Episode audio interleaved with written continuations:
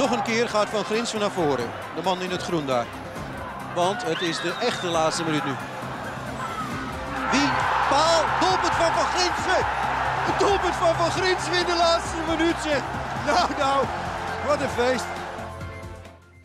33 jaar, eenmalig international van Nieuw-Zeeland en uh, vele jaren bij FC Den Bosch gespeeld. En hij is vandaag de gast in de Sliert. Welkom, Benjamin van den Broek. Dankjewel, dankjewel. Leuk dat je er bent. Ja, leuk man. Dit is mijn allereerste podcast ooit, dus uh, ik ben benieuwd. Ja, we zijn ook niet super ervaren en we doen het ook nog uh, online voor de luisteraars. Ja, ben je wel al een tijdje weg bij FC Den Bosch, hè? Maar je bent ons niet vergeten. Nee, nee, nee, zeker niet. Nee. Ja, een tijdje weg inderdaad. Wat zal het zijn? Uh, 2014 volgens mij. Dus, oh, dat is al zes jaar. Tijd vliegt. Maar nee, zeker niet vergeten. Ik volg hem nog allemaal. 2014, 2015, ja, inderdaad jouw laatste seizoen. En je begon in 2011, 2012 uh, bij FC Den Bosch.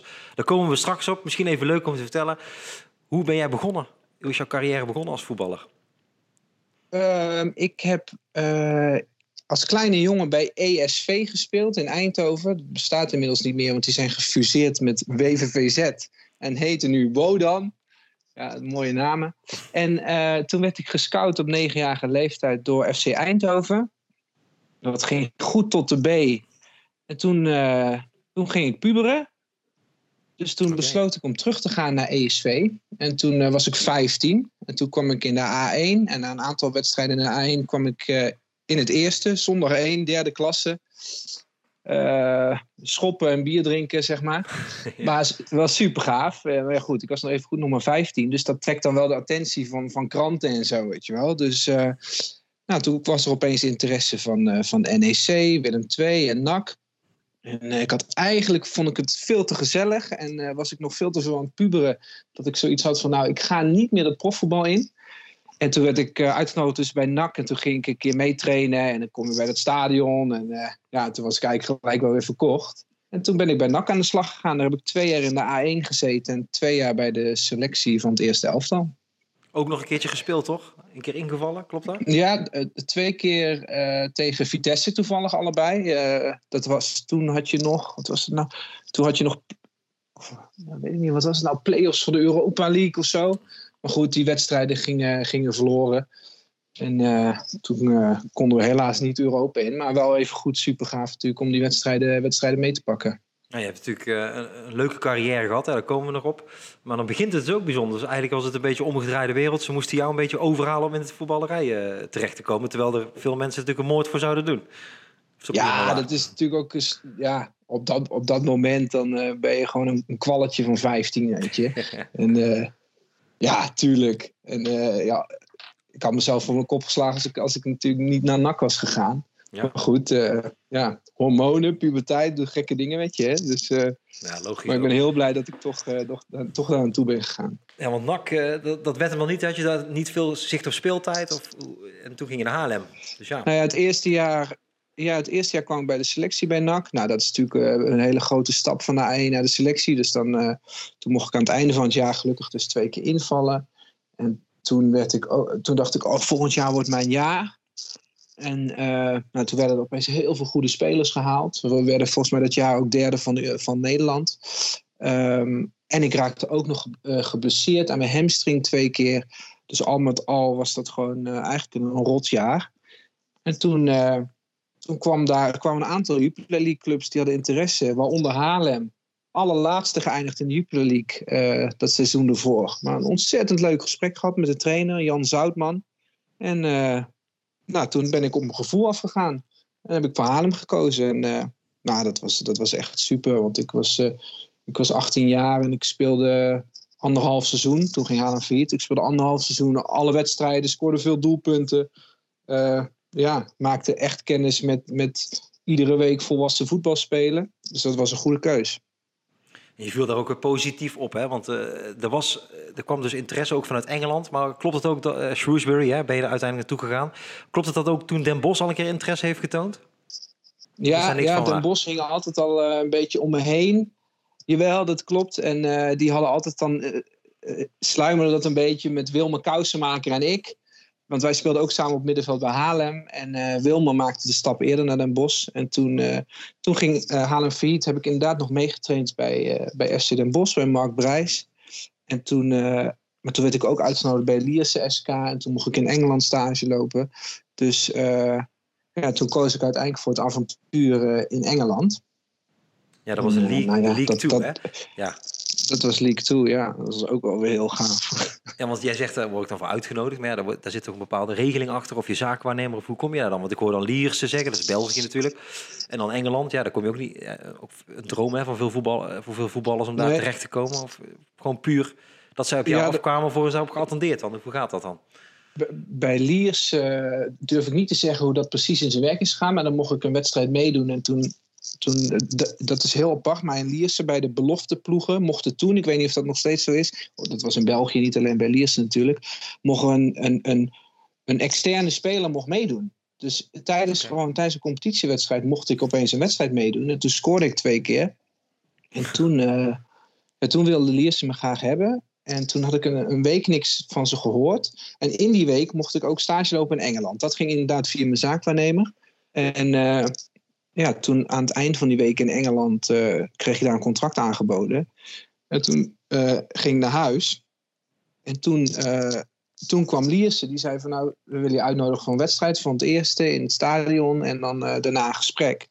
En toen had ik al mijn, mijn jaarwoord aan, aan Engeland gegeven. Puur voor het Dus ik avontuur? ben wel nou ja, ik, en omdat ik heel lang niets had gehoord van Lierse. Want stiekem denk ik dat ik anders voor Lierse had gekozen. Ook omdat het eh, was dicht bij Eindhoven. eh, en ja, dat was toen een club met heel veel ambities. eh, met, met, een, met een grote geldschieter. En ze stonden bovenaan in de tweede divisie in België. Dus dan, pro- die gingen zeker promoveren. Dus dat sprak me al wel aan. Maar het duurde wat lang voordat ik wat hoorde. En toen, ja, toen had ik dus mijn mondelinge jaarwoord al gegeven aan Engeland. Toen ben ik wel met mijn vader naar die wedstrijd gegaan. En toen ook weer heel enthousiast geworden van het gesprek. En toen mijn zaakwaarnemer opgebeld en gezegd van... Nou ja, ik, ik weet niet wat je doet, maar ik ga niet naar Engeland. Ik ga naar Lierse. Toen zei hij, ja, nou ja, sorry. Maar we hebben ons jaarwoord gegeven aan Engeland. Dus, eh, dus je gaat. En eh, nou ja, achteraf fantastisch hoor. Geen, Ja. geen seconde spijt van. Want hoe is het daar verlopen? eh, Want je, ja, speelde, je, ja, je speelde in de basis, maar ook hè, niet altijd. Maar niet dat je al heel seizoen op de bank hebt gezeten. Wat was een beetje jouw, jouw positie daar dan? Ja, dat is wel grappig. Daar was, het de, ja. daar was het de spits. Een van de twee Oh. spitsen. Oké. En eh, ja, Engeland is natuurlijk eh, eh, ja, een heel ander soort voetbal. Maar ik, ik deed in principe hetzelfde als dat ik bij Haarlem deed en later bij Den Bosch. Gewoon heel veel rennen op iedere bal. en ja, daar heb je dan een hele grote sterke spits. Ik ben al best wel, be- best wel groot, maar daar heb je dan een echte grote sterke Ja. spits. En, en ja, die bal wordt op de spits gespeeld. En die, die wint meestal heel veel duels. En ik rende dan die hoeken in. Ja, dat, dat, was natuurlijk top. Dat vond het publiek ook fantastisch. Dus eh, ja, dat was, dat was echt heel tof. Hele mooie dingen meegemaakt. En eh FA Cup gespeeld. En tegen Stoke City. Dat was een Premier League club in dat stadion. Dat was allemaal heel, heel mooi. Maar ook weer, ja, weer zeg ik nu.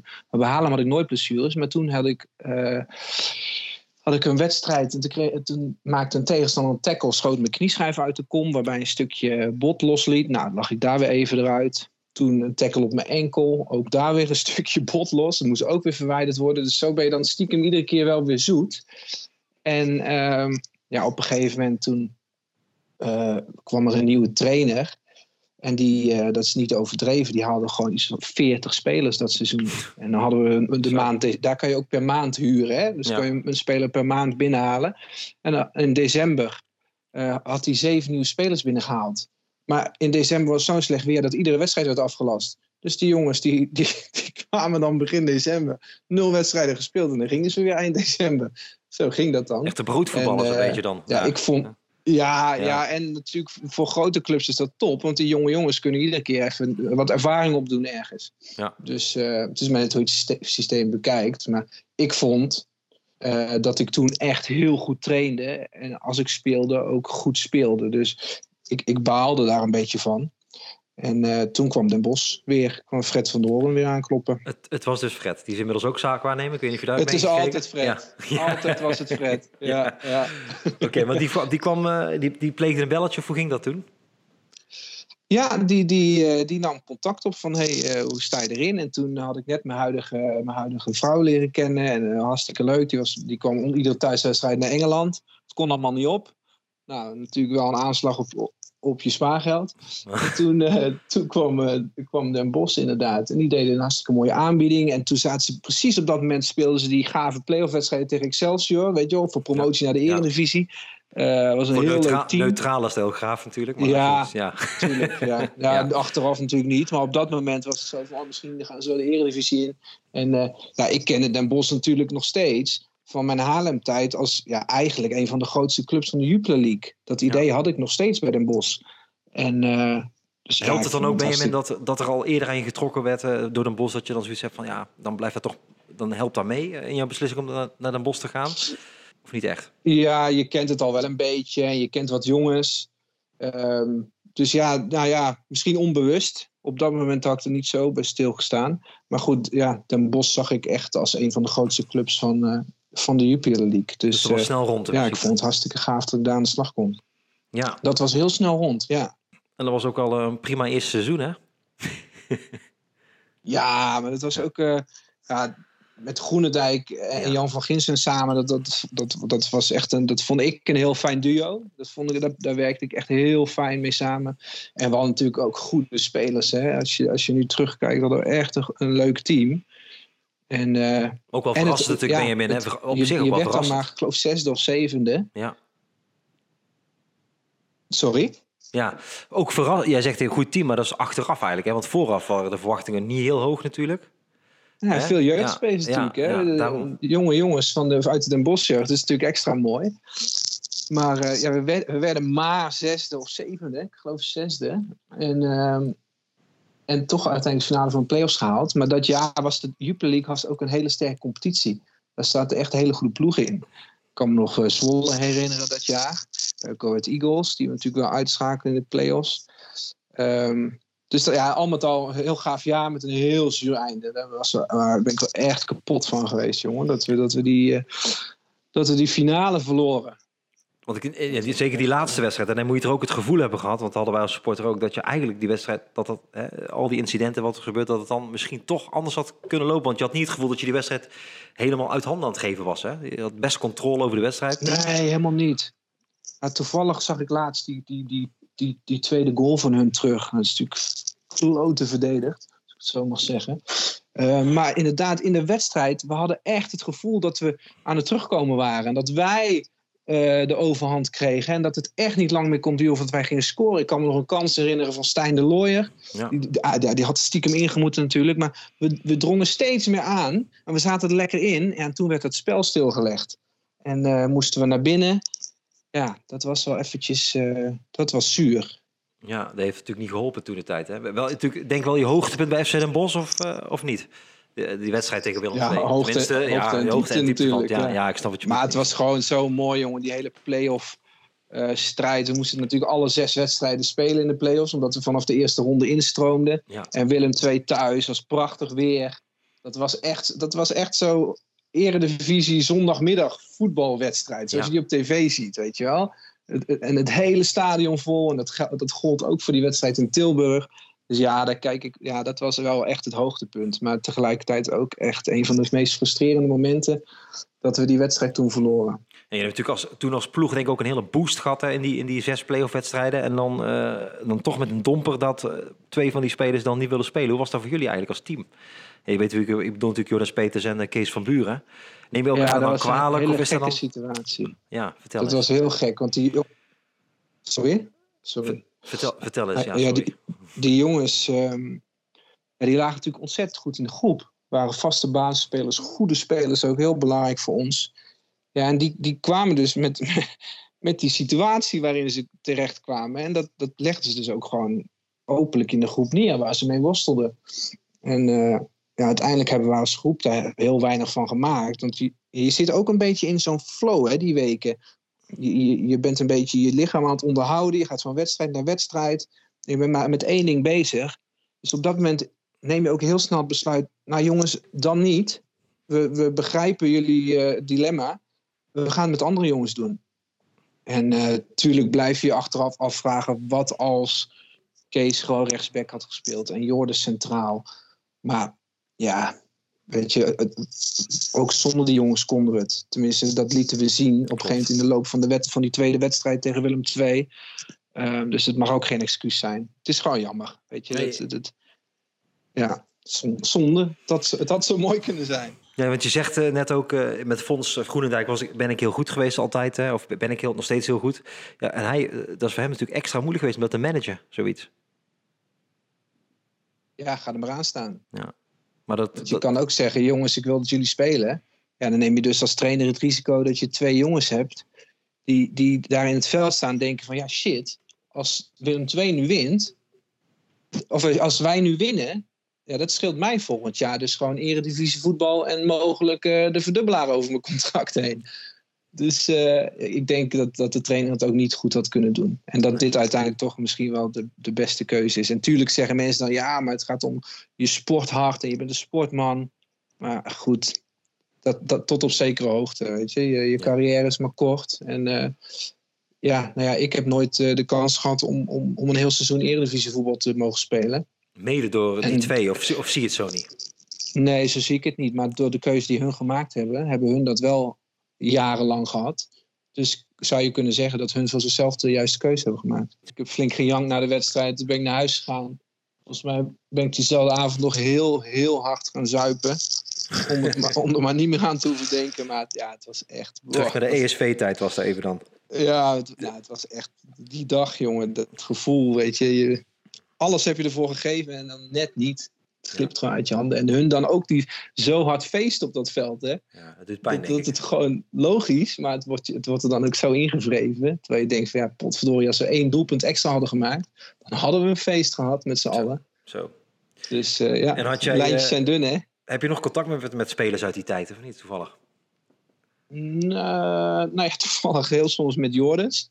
Uh, maar dat okay. komt ook omdat ik met hem in de Centrale Spelersraad heel lang heb gezeten. En, uh, dus dan kom je elkaar altijd tegen. Maar verder sowieso weinig contact, echt contact met spelers uit. Uh, daar heb je het nooit meer over gehad, ben je mee met Jordans? Want dat kan me niet voorstellen dat je dan nooit meer een keer ergens nee. later daarover spreekt, nee? Okay. Nee, hebben we nooit meer over gehad. Nee. nee nou, ik denk dat het uh, bij mij te gevoelig lag. Niet persoonlijk naar hem, maar het feit dat we hadden verloren. Ja. En dat hij zoiets had van, ja, nou ja, laat ik geen uh, open wonden... zout in open wonden strooien. Nee, die Denk ik hoor, ik weet ja. het niet. Hey, maar je hebt natuurlijk nog daarna uh, drie jaar bij FC Den Bosch gespeeld. Hè? Belangrijk geworden voor de ploeg. Wat zou je nog graag willen beschrijven over de drie seizoenen erna? Het is ook nog een hoop gebeurd natuurlijk. Iets bijzonders. Nou, wat natuurlijk dat, dat ene seizoen onder Ruud Keizer, hè, dat we vierde werden. Ik geloof ja. dat we toen na de winterstop geen één wedstrijd verloren. Klopt. Uh, terwijl we toen, denk ik, een iets minder team hadden dan onder Groenendijk. Maar we wisten allemaal wat we konden. We hadden Kwekel in de spits. Ja, die moest je niet bij positiespel erbij hebben, zeg maar. Maar ja, die, die schoot alles erin. En uh, dat, ja, dat, het klopte gewoon. Dus dat nou, was ook leuk. En toen, nee, mede daardoor. Denk ja, ik. Maar, ja, hij scoorde wel altijd. En, uh, maar goed, toen zag je dus wel in de play-offs tegen Excelsior... Toen, dat, we, dat we wel iets te kort kwamen. En dan natuurlijk uh, toen Veldwijk die uh, het beste seizoen uit zijn carrière speelde. Dus dat, dat was jammer. En de, ja, het jaar onder Poortvliet was natuurlijk eigenlijk eentje... Ja, ja. Niet, niet zeggend. En het tweede seizoen onder Keizer was natuurlijk vreemd. Want de trainer werd ontslagen. Um, Kwekel ging toen naar PSV, geloof ik. Op uh, hetzelfde moment, rondom ja. die periode. En ik ging inderdaad uh, terug naar Fonzie. Ja, hey, spreek jij die naam maar eens uit, dat eerste stuk? Kloei, dat lukt me nog wel. Kloei, moet je zeggen, denk ik, hè? Kloei. Kloei, ja. Ja. Is in verval ja, geraakt, maar toen ja. niet, hè? Toen was het een grote club, toch? In, uh, in Roemenië. Ja, je hebt twee clubs. Hè? In, in, in, die stad heb je twee clubs. En inderdaad, die ene club was, uh, die kent men wel van de Champions League tegen PSV jaren geleden. Maar goed, in dezelfde eredivisie van Roemenië speelde ook een andere Cluj. En daar werkte dus uh, Fons Groenendijk samen met uh, George Ogararu, de ja. oud-speler van Ajax. En toen, dat, ja, dat is ook wel grappig, want ik, ik werd benaderd in die periode door een andere Roemeense club. En, en toen heb ik Groenendijk heb ik, uh, zijn appje gestuurd van... hey trainer, weet u, hoe is het daar in Roemenië? En weet u iets van die club? Moet ik daarop ingaan? Toen zei hij, nou, maar Ben, dat zou ik niet doen. Maar wat nou als je hierheen komt? nou, en toen... Uh, nou, ik, ik, twijfel natuurlijk. Het blijft Roemenië. Je hoort ook de verhalen. Dus heel veel uh, nagevraagd. En ook met spelers die op dat moment al bij Cluj zaten. Nederlandse jongens contact gehad. En uh, nou, uiteindelijk toch die beslissing genomen. Ja, maar goed. Dat, Korte dat avontuur, niet, hè? niet helemaal zoals verwacht, nee. Ja, want Nee, Fons, ja. ook niet lang, Fons bleef niet lang, dus zo kon je ook niet lang blijven. Zo werkt dat gewoon, hè? Ja, die, die werden na drie wedstrijden ontslagen. De hele dubieuze wedstrijden met rode kaarten en penalties. En, eh, maar goed, hij werd nog wel op het goede moment ontslagen, zeg maar. Want toen was de geldschieter er nog. Oké. En eh, ja, daarna was het eh, de, de geldschieter die, die, die verdween. Die werd verdacht van fraude en, en die vluchtte naar een, naar een ander land. En ja, toen ging die geldkraan dicht. kwam er een soort eh, ja, Roemeense dictator, werd onze trainer. Die dus ook letterlijk zei: luister, ik heb in Europa gespeeld, dat was geen succes. Eh, of ik heb buiten Roemenië gespeeld, dat was geen succes. Ik, ik vind allemaal niks, die mensen. Ik kies voor Roemeense jongens. Nou, lekker zit je daar dus. Op je eerste, dat was de eerste dag dat hij binnenkwam. En eh, ja, toen, toen, toen voorheen sliepen we in hele mooie hotels en vlogen we naar uitwedstrijden af en toe. Niet om verwend te klinken hoor, maar daarna echt een hele krakkemikkige hotels. En dan gingen we met, met de bus naar uitwedstrijden. Maar ja, in grote delen van Roemenië is geen snelweg. Dus dan, Oh ja. dan zat je negen uur door zo'n eh, bergzaam gebied langs afgronden. En die kerel die race zo hard altijd, jongen, met die bus. Dus daar werd je ook nog kotsmisselijk van. En eh, ja, dat, het, het was het gewoon niet. Het was En een hele gekke niet, trainer. En ook nee, niet spelen. Nee. niet spelen. Dus eh, Jij woonde Ja. daar dan met je gezin ook? nou, dat, we hadden dus in, in, nou ja, we hadden het net over Rosmalen. Ik woon Ja. natuurlijk in de grote wielen. Hadden we ons appartement weggedaan, alle meubels verkocht en al die andere meuk hadden we in de opslag eh, gezet. Ja. Ehm, en we hadden net een kleine van een maand. Dus mijn vrouw ging met, met, Mason, onze zoon, Ja. bij haar ouders op zolder even wonen. eh, totdat, dan, eh, totdat ze naar Roemenië kon komen. Nou, toen had ik eindelijk een appartement gevonden. En toen, eh, toen ging eh eh, Fons en Oguraro gingen eruit. En toen werd alles anders. En toen moesten we ook 's ochtends melden op de club. En dan moest je smiddags eten. En dan moest je s'avonds om vijf of zes uur moest je weer trainen. Want je mocht absoluut niet eh, in de stad gezien worden. Je moest alleen met voetbal bezig zijn. Als je werd betrapt, dan kreeg je een boete. Dus die, die trainer die, die, die regeerde alles. En ja, dan was er een maand. Dat het later uitgerekend. Dan was ik drie dagen in de maand. Was ik, eh, was ik in mijn eigen appartement. En de rest zat ik in hotels en was ik onderweg. Van wedstrijd naar wedstrijd. Dus eh, ja, die, dus dat mijn gezin kon niet overkomen. Dus uiteindelijk hebben die dus, eh, nou, wat zal het zijn, een maand of acht op zolder gewoond bij de ouders. Met een kleine van een maand. Dus het was ook voor die kant heftig, zeg maar. ja. En toen weer naar Engeland, hè? Even de Conference Premier League. Of hoe zeg je dat? De Conference Premier, hè? zo heet die. Heb je ook nog even gespeeld? Jij? Toen, eh, ja, want toen eh, had ik natuurlijk, dat was wel weer gek, want in, in de tijd in Roemenië speelde ik dus ook mijn eerste in het land van Nieuw-Zeeland. Ja. Dat was dan wel weer heel gaaf. En gelukkig had ik in mijn clausule dat als we zouden degraderen, dat ik transfervrij weg mocht. Nou ja, we degradeerden. En eh, de volgende dag was ik in Nederland. En ja, toen moest ik dus op zoek naar een andere club. En ik had eigenlijk, dacht ik van, nou ja, weet je, ik heb nu in de Roemeense eredivisie gespeeld. Ik heb in Interland gespeeld.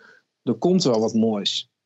En, en er liepen ook wel wat dingen, maar dat werd allemaal nooit concreet.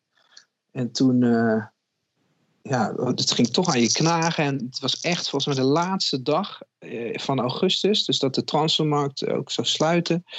Ehm, dat ik werd gebeld door een oud teamgenoot van me, van Shrewsbury Town. En die Ja. was nu assistent manager bij Barrow. Nou, nooit van gehoord natuurlijk Nee. gegoogeld, ook niet heel enthousiast. Maar hij zei, kom nou maar even langs. We hebben een hele rijke Amerikaanse geldschieter. En kom even kijken hoe het die is. Nou, dus ik daar naartoe. We waren daar eens meegetraind en een wedstrijd gekeken. En toen dacht ik, nou ja, weet je. Als ik het nu niet doe, dan zal ik later altijd zoiets hebben van, weet je, wat als? Want in die competitie, die conference, zaten ook clubs als Tranmere Rovers bijvoorbeeld. Nou, een Ja. enorme club is dat, enorm Ja. stadion. En zo zaten er nog een paar. Dus ik dacht van ja, weet je, als het goed gaat, dan maak ik misschien nog een stapje. En ja, als ik het niet doe, dan zal het altijd zo zijn van wat als ik het wel had gedaan. Ja. Dus, dus, dus ik ben gegaan. En ehm, Ben je er een spits of uh, Danny? ja, een beetje 4-4-2 rechts buiten. Nou, dat ja. ligt me helemaal niet natuurlijk. Nee. Want uh, nou ja, als ik iets niet kan, is, is het een trucje. Echte box-to-box-player eigenlijk toch, uh, ben je? Ja, en ja. later werd ik daar wel spits. dus toen ging het beter. Maar uh, nou ja, uiteindelijk was die periode alleen goed voor uh, de, de, de bonding met die kleine en met mijn vrouw, die ik natuurlijk zeven maanden niet had gezien toen ik in Roemenië zat. En uh, toen na een half jaar dus iets van, ja, weet je, is dit het nou? Ons uitje was dan naar de supermarkt lopen en weer terug. Dus toen hebben we gezegd van, nou weet je, we gaan terug naar Nederland. En voordat ik naar Engeland ging, wilde Telstar me graag hebben. Nou, mijn vrouw komt uit Beverwijk, dus dat is natuurlijk om de hoek. En die, uh, die waren nog steeds geïnteresseerd. Dus toen uh, nou, contact met, met Vonk gehad, de trainer. Die was nog steeds heel erg enthousiast. En toen uh, zijn we in de winter teruggegaan naar Nederland. En uiteindelijk 2,5 jaar bij Telstar gezeten. Ja, daarover hebben we maar even terug naar die Interland natuurlijk, want daar mag ik niet aan voorbij gaan. Dat is ook een heel mooi, bijzonder verhaal. Ik heb er al wat van gelezen, maar misschien is het leuk als je zelf vertelt van hoe dat dan tot stand komt. Want jouw, jouw moeder is Nieuw-Zeelands. Ja, mijn moeder die komt uit Nieuw-Zeeland, dus heeft een Nieuw-Zeelands paspoort. En die heeft altijd tegen mij gezegd, ben, uh, vraag nou ook een Nieuw-Zeelands paspoort aan, want het kan gewoon. En doe dat nou. nou. nooit gedaan. Achteraf hebben we daar natuurlijk wel spijt van. Maar goed, op dat moment gingen we het dus doen. En het was zo geregeld allemaal. En uh, om een Nieuw-Zeelands paspoort aan te vragen, moet je een handtekening uh, op een pasfoto hebben van een andere Nieuw-Zeelander. En dat mag geen familie zijn. Dus toen uh, via Kevin Bechois contact gekregen met uh, Ryan Thomas. Van, die zat toen nog bij Zwolle. Ja. En uh, nou, ben ik twee keer naar hem toegereden om, uh, om de benodigde papieren te laten ondertekenen en die handtekening op die foto. En zo kwam, kwam ook de bondscoach erachter dat ik. en die waren toevallig op dat moment bezig met te kijken van hey, zijn er nou niet ergens verdwaalde spelers die wellicht wat kunnen betekenen voor ons nationale team, maar waar, waar we gewoon nog geen weet van hebben. Nou, toen kwamen er een paar uit, waaronder ik. Dus toen mocht ik, uh, mocht ik naar Zuid-Korea komen voor, uh, voor een week, voor een interlandweek. Met uh, als afsluiter dan de wedstrijd tegen Zuid-Korea in, in Seoul. Dat zal toch wel het hoogtepunt van jouw carrière zijn, toch? Ja, en nou ja, de club wilde me dus niet laten gaan, Cluj. Dus nou had ik daar weer ruzie mee natuurlijk. Uiteindelijk kwamen we tot een akkoord dat ik, want we hadden op, ik moest eigenlijk op maandag vliegen, maar dan hadden we op maandag nog een uitwedstrijd. Maar ik speelde op, in die periode niks meer. Dus hadden we een akkoord dat ik op dinsdag mocht vliegen, dinsdagochtend. Dus moest ik op zaterdag acht uur in de bus na die uitwedstrijd. Die speelden we op zondag. Nul minuten gemaakt. Acht uur teruggereden. Kwam ik dus in Cluj aan. Een uur later moest ik op vliegveld staan om te vliegen naar Korea. Nou, Oké, ik blij dat ik daar naartoe kon natuurlijk. En uh, kom in Korea aan om twee uur. We moesten om vier uur meteen trainen. Laatste minuut van de training breek ik mijn pink. Nou, kon ik gelijk door naar het ziekenhuis in Seoul om die pink recht te laten zetten. Want alles was ook helemaal verbrijzeld in het pinky. Nou, dus ik de hele week daar doorgewacht met zo'n dikke verbandklomp om mijn vinger. Maar buiten dat was het echt een fantastische week. Met, uh, ja, gewoon wat je op tv ziet bij het Nederlands elftal zo gaat het er aan toe. En dat is, ja, dat is heel bijzonder. Ja, dus je had jezelf meteen op de kaart hebt, want ze vergeten jou, als je zo'n pink breekt, vergeten ze je niet meer natuurlijk. Nee, die dacht natuurlijk, wat hebben we nou weer binnengehaald? dus dat, ja. dus dat verkneus. Ja, nou. dus, maar je speelde die wedstrijd toch? Ik, uh, nou, ik mocht invallen, okay. laatste kwartier. Ja. En uh, ja, dat was gewoon heel tof. Want dat Zuid-Korea was natuurlijk een, beetje op de kaart gezet door ja. Guus Hiddink. Dus al die stadions waren ook mooi. En, en nou, wij speelden dus in het World Cup Stadium. Uh, dus ja, en, en, en Zuid-Korea is geen misselijke ploeg. Hè? Dat, nee. dat, dat zitten echt goede spelers in. Dus uh, ja, dat was echt, uh, was echt heel tof. Maar goed, de, de, ook wel grappig, want dan wordt er zo'n volkslied gespeeld. Nou ja, ik ben nog nooit in Nieuw-Zeeland geweest. Nee. Ik heb dus ook nog nooit Nieuw-Zeelandse volkslied gehoord. Nee. Dus toen dacht ik, volgens mij deden de Duitsers ergens in, in, in 86 of 88, deden die, uh, omdat ze niet met het volkslied meezongen, deden ze een kauwgompie in. Ja, ja. Dus ik deed dat ook maar. dat leek er net op de meezong, weet je wel. Dus zulke dingen. Goeie maar het was, echt een, een, echt een het was echt een belevenis. Dat is echt heel gaaf. Maar het mocht het, door, een of andere, door een andere speler die een verkeerd paspoort had, werd het even, nou, is het bij die ene ja, was gebleven? Een jongen die in Zuid-Afrika, ja, een jongen in Zuid, die in Zuid-Afrika was geboren, die had ook een Nieuw-Zeelands paspoort. En die Nieuw-Zeeland had zich geplaatst voor de Olympische Spelen in Brazilië. Maar die werd dus gedisqualificeerd omdat die jongen op een of andere manier door een regel niet speelgerechtigd was. En toen heeft de Nieuw-Zeelandse voetbalbond gezegd: Nou, alle jongens die in dat, uh, in, in, daaronder vallen, die een beetje dat, in, de, in, dezelfde, in hetzelfde schuitje zitten, die roepen we niet meer op. En uiteindelijk bleek dus, nog jarenlang onderzocht. Uh, ik was op een gegeven moment al gestopt. Toen speelde ik bij HFC. Maar toen kwam ik er dus eindelijk achter dat ik gewoon al die tijd mogen spelen. Dat mijn situatie niet vergelijkbaar was met die van hem. Dus dat, ja, dat is wel heel jammer. Je kunt die koppeling dan wel maken naar 2011, 2012 eigenlijk. Hè? Dat je net niet promoveert met een bos. En dan nu uh, ook die carrière net niet hebt gehad eigenlijk. Die interlandcarrière. Ja. ja, pech. Ja. ja. ja. Ja, inderdaad. Dat, dat is wel pech, inderdaad. Maar goed, achteraf uh, bijna 300 wedstrijden gespeeld. Dat is natuurlijk ja, ja. ook weer niet voor iedereen weggelegd. Dus, dat ik ook nee, joh, zeker nee, ja. Het heeft me zoveel gebracht, uh, het voetbal. Ook uh, overal waar ik nu ben, zeg maar. Dat heb ik allemaal te danken, mede te danken aan het voetbal. Dus ja, inderdaad, met een beetje meer geluk. Op een gegeven moment verlengde ik mijn contract met Den Bosch. En een dag later bleek dat RKC, dat, was, dat speelde toen Eredivisie, wat me graag willen hebben. Ja, dat is toch voetbal, hè? Ja. En ik heb ook een keer heb ik Excelsior en Go Ahead Eagles uh, afgezegd in verschillende jaren. En beide promoveerden aan het einde van dat jaar. Ja. Via de play-off. je, moet ja. maar niet, je moet maar niet naar het casino gaan, denk ik dan. Hè? Nee, nee, nee. Dat ben ik, dat, nee. nee. nee, nee. Hey, maar Benjamin, uh, jij zei uh, Telstar heb je eigenlijk je carrière een beetje afgesloten. Iets eerder dan verwacht door blessures. Nou, ik had, ja, ik had inderdaad al een tijdje last van mijn meniscus. En toen, heb ik, uh, liet ik me, toen kwam Mike Snoei, dat is een nieuwe trainer. En uh, ik bleef last houden en ik haalde maar niet mijn niveau. En uiteindelijk bleek dus dat ik een scheurtje in mijn meniscus had al heel lang. Zou ik me laten opereren. Ik best wel lang eruit gelegen. En uh, ja, ondertussen, met één iemand ooit geen klik had als trainer, dan was het met meneer Snoei. Ja. Dus dat liep echt van geen kant. En toen kwam, was er een keer een akkefietje op de training. En toen liep het helemaal uit de hand met uh, opmerkingen over en weer, zeg maar. Dat, werd, dat, dat gingen we schreeuwend de kleedkamer in. Terwijl je toch bekend staat als nette speler in de voetbalwereld, ben je Dat is toch vrij opvallend dan?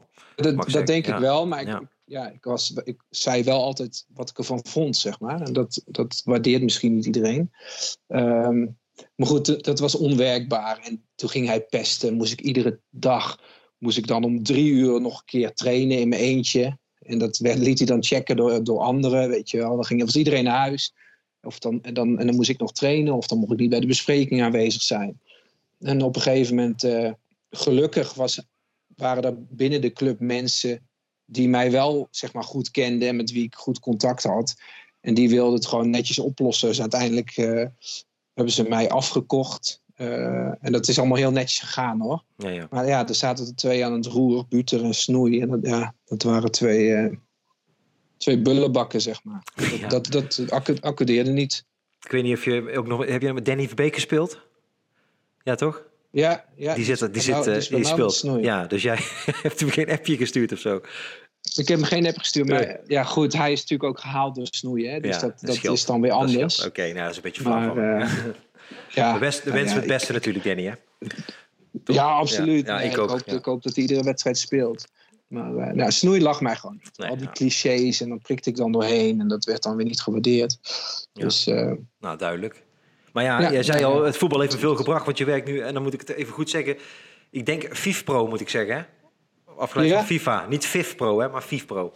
Ja. ja, nou ja, ik zeg ook altijd FIFA Pro, maar anderen zeggen weer FIFA Pro. Dus eigenlijk okay. weet ik het niet. Nou. Maar daar werkt Jij werkt er dus.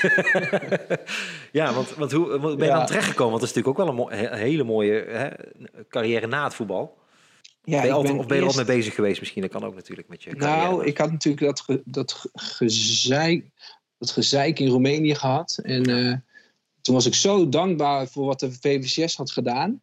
Uh, hoe die mij toen hebben geholpen. En ik zat natuurlijk altijd in de centrale spelersraad van de VVCS. Dus ik wist al een beetje wat zo'n vakbond deed. Maar nooit echt van FIFPro gehoord. En toen, uh, ik, ik werkte toen overigens eerst ergens anders. Uh, nadat ik gestopt was met voetballen. Maar toen belde Arjen Ebbingen van, van de VVCS. En die zei, Ben, er is een functie vrij bij FIFPro. En ik denk dat het wat voor je is. Nou, toen ben ik op gesprek gegaan twee keer. En ook besloten dat te gaan doen. En ja, dat is, past helemaal. Het is echt uh, heel tof. Je bent nog steeds betrokken bij het voetbal. Uh, je kan wat betekenen voor spelers. Ehm, dus ja, dat, is, Ja, wat eh, kun je- dat wat zou je- bevalt echt wat- uitstekend. Wat kun je dan zeg maar voor ze betekenen als je een klein voorbeeld zou kunnen geven?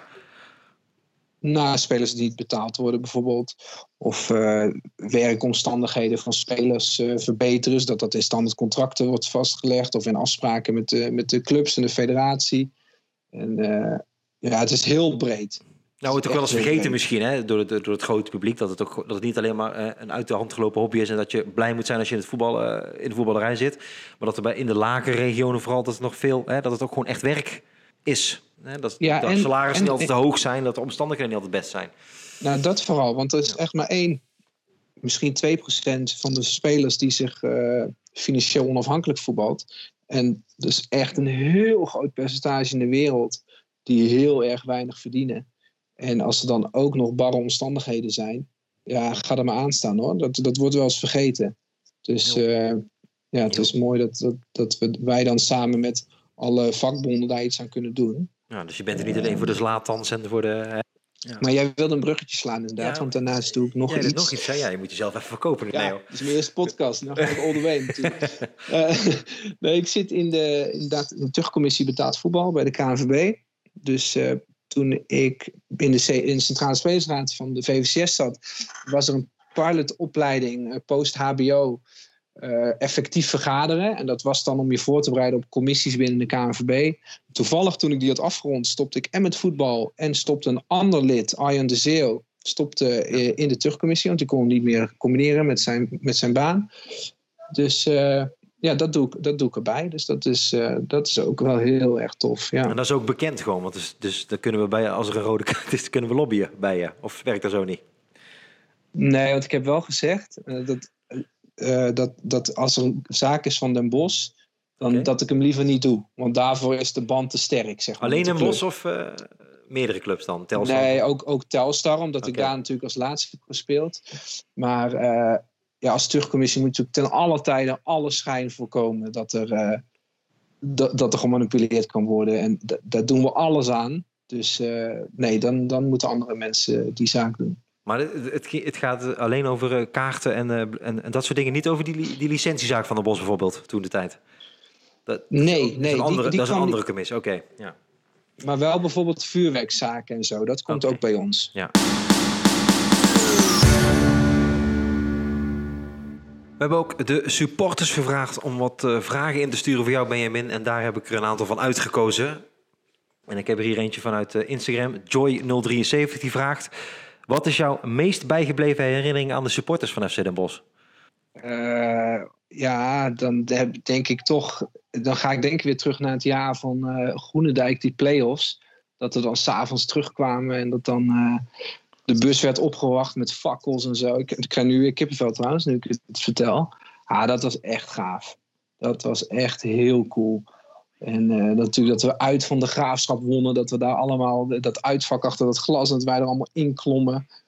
Dus eh, ja, vooral het fanatisme, joh. Dat, Ja. ja, ja echt, echt heel, heel gaaf publiek. Ja. Nog steeds 1500 seizoenkaarten dit, dit seizoen verkocht. Hè. Ik vond het, vind ik zelf ook eh, geweldig natuurlijk. Dat was in die tijd volgens mij niet eens. Dus eh, ja.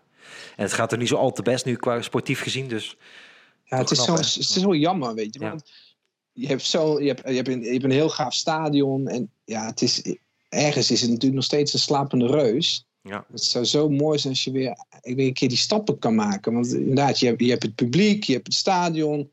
Potverdorie. Het leek er even op natuurlijk toen die, eh, Kaki, hè? ik weet niet hoe die heet, maar die, die man met heel veel geld die even langskwam. Ja, toen dachten we even van, oh, zou dit dan, zou dit dan dat moment zijn waar we zo lang op hebben gewacht? Ja. Weet je wel? Ja. Dat, we, dat we weer omhoog gaan en dat je weer vooruit kan kijken. Nou, Ik heb hier nog eentje van eh, Justin Gerings 2007. Mis je FC Den Bosch? Eh, ja, nou ja, ik ben natuurlijk nu gestopt met voetbal. Dus dat is een, eh, ik mis het voetbal op zich niet. Maar de, de tijd die ik daar had. En inderdaad, toen was ik nog wat jonger. En volle bak gemotiveerd. En we wilden alleen maar eigenlijk om de prijzen gaan. En als je dan ook een leuk team om je heen hebt. En leuke trainers. En dan inderdaad dat fanatieke publiek.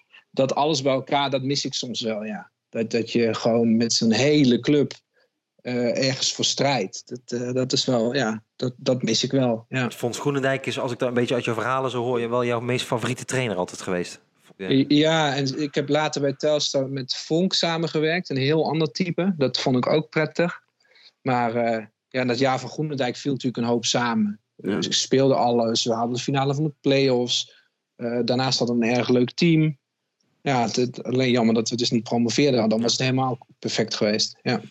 Ik heb hier nog een vraag van Pascal Juinen. Geboren in Limburg, gespeeld in het westen, het zuiden, Roemenië en Engeland, een paspoort van Nieuw-Zeeland. Maar waar voelde je als voetballer het meest, en mens, het meest thuis?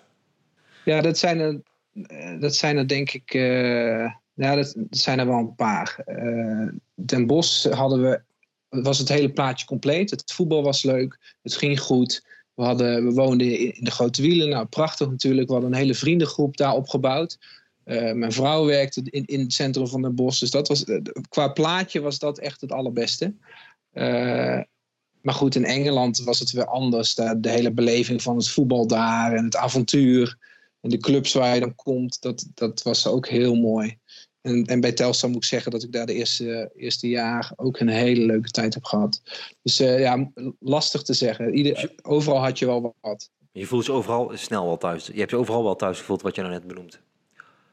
Ja, ik heb daar niet zo heel veel moeite mee. Nee, nou, gelukkig maar. Hè? Behalve Roemenië ja. dan, neem ik aan. Dat was toch niet zo gezellig dan? Nou ja, dat was ook een prachtige stad. Het is jammer okay. dat, het daar niet, dat we niet betaald werden. Anders had ik daar denk ik best nog wel even langer kunnen zitten. Okay. Ja, mooi. Want het is echt een hele, hele mooie stad. En het kost natuurlijk geen fluit. Dat is ook wel prettig.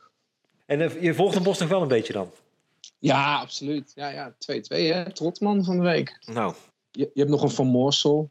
Dus dat is, uh, nou ja, daar heb ik natuurlijk samen mee ja, gespeeld bij ja. Den Bosch. Dat vind ik dan wel leuk. En mijn broertje heeft ook bij Den Bosch in de jeugd gespeeld. En dan zie ik nu dat uh, Dwayne staat linksback. Ja. Die speelde toen bij hem in het elftal. Oké. Okay. Uh, dat, ja, en Wouter van der Steen natuurlijk honderdduizend keer tegen gespeeld bij Helmond Sport. En, nou, dat, Niet te dat speelt dan nu bij Den Bosch. Nou, goede keeper hoor. Dus nee hoor, ik volg nog steeds. Leuke middenvelder, Felida. Misschien als afsluiter een leuke vraag. En die komt van Koninklijke HFC 1879. Jou wel bekend, denk ik. Is Koninklijke HFC de mooiste club van Nederland? Na FC ja. Bos natuurlijk.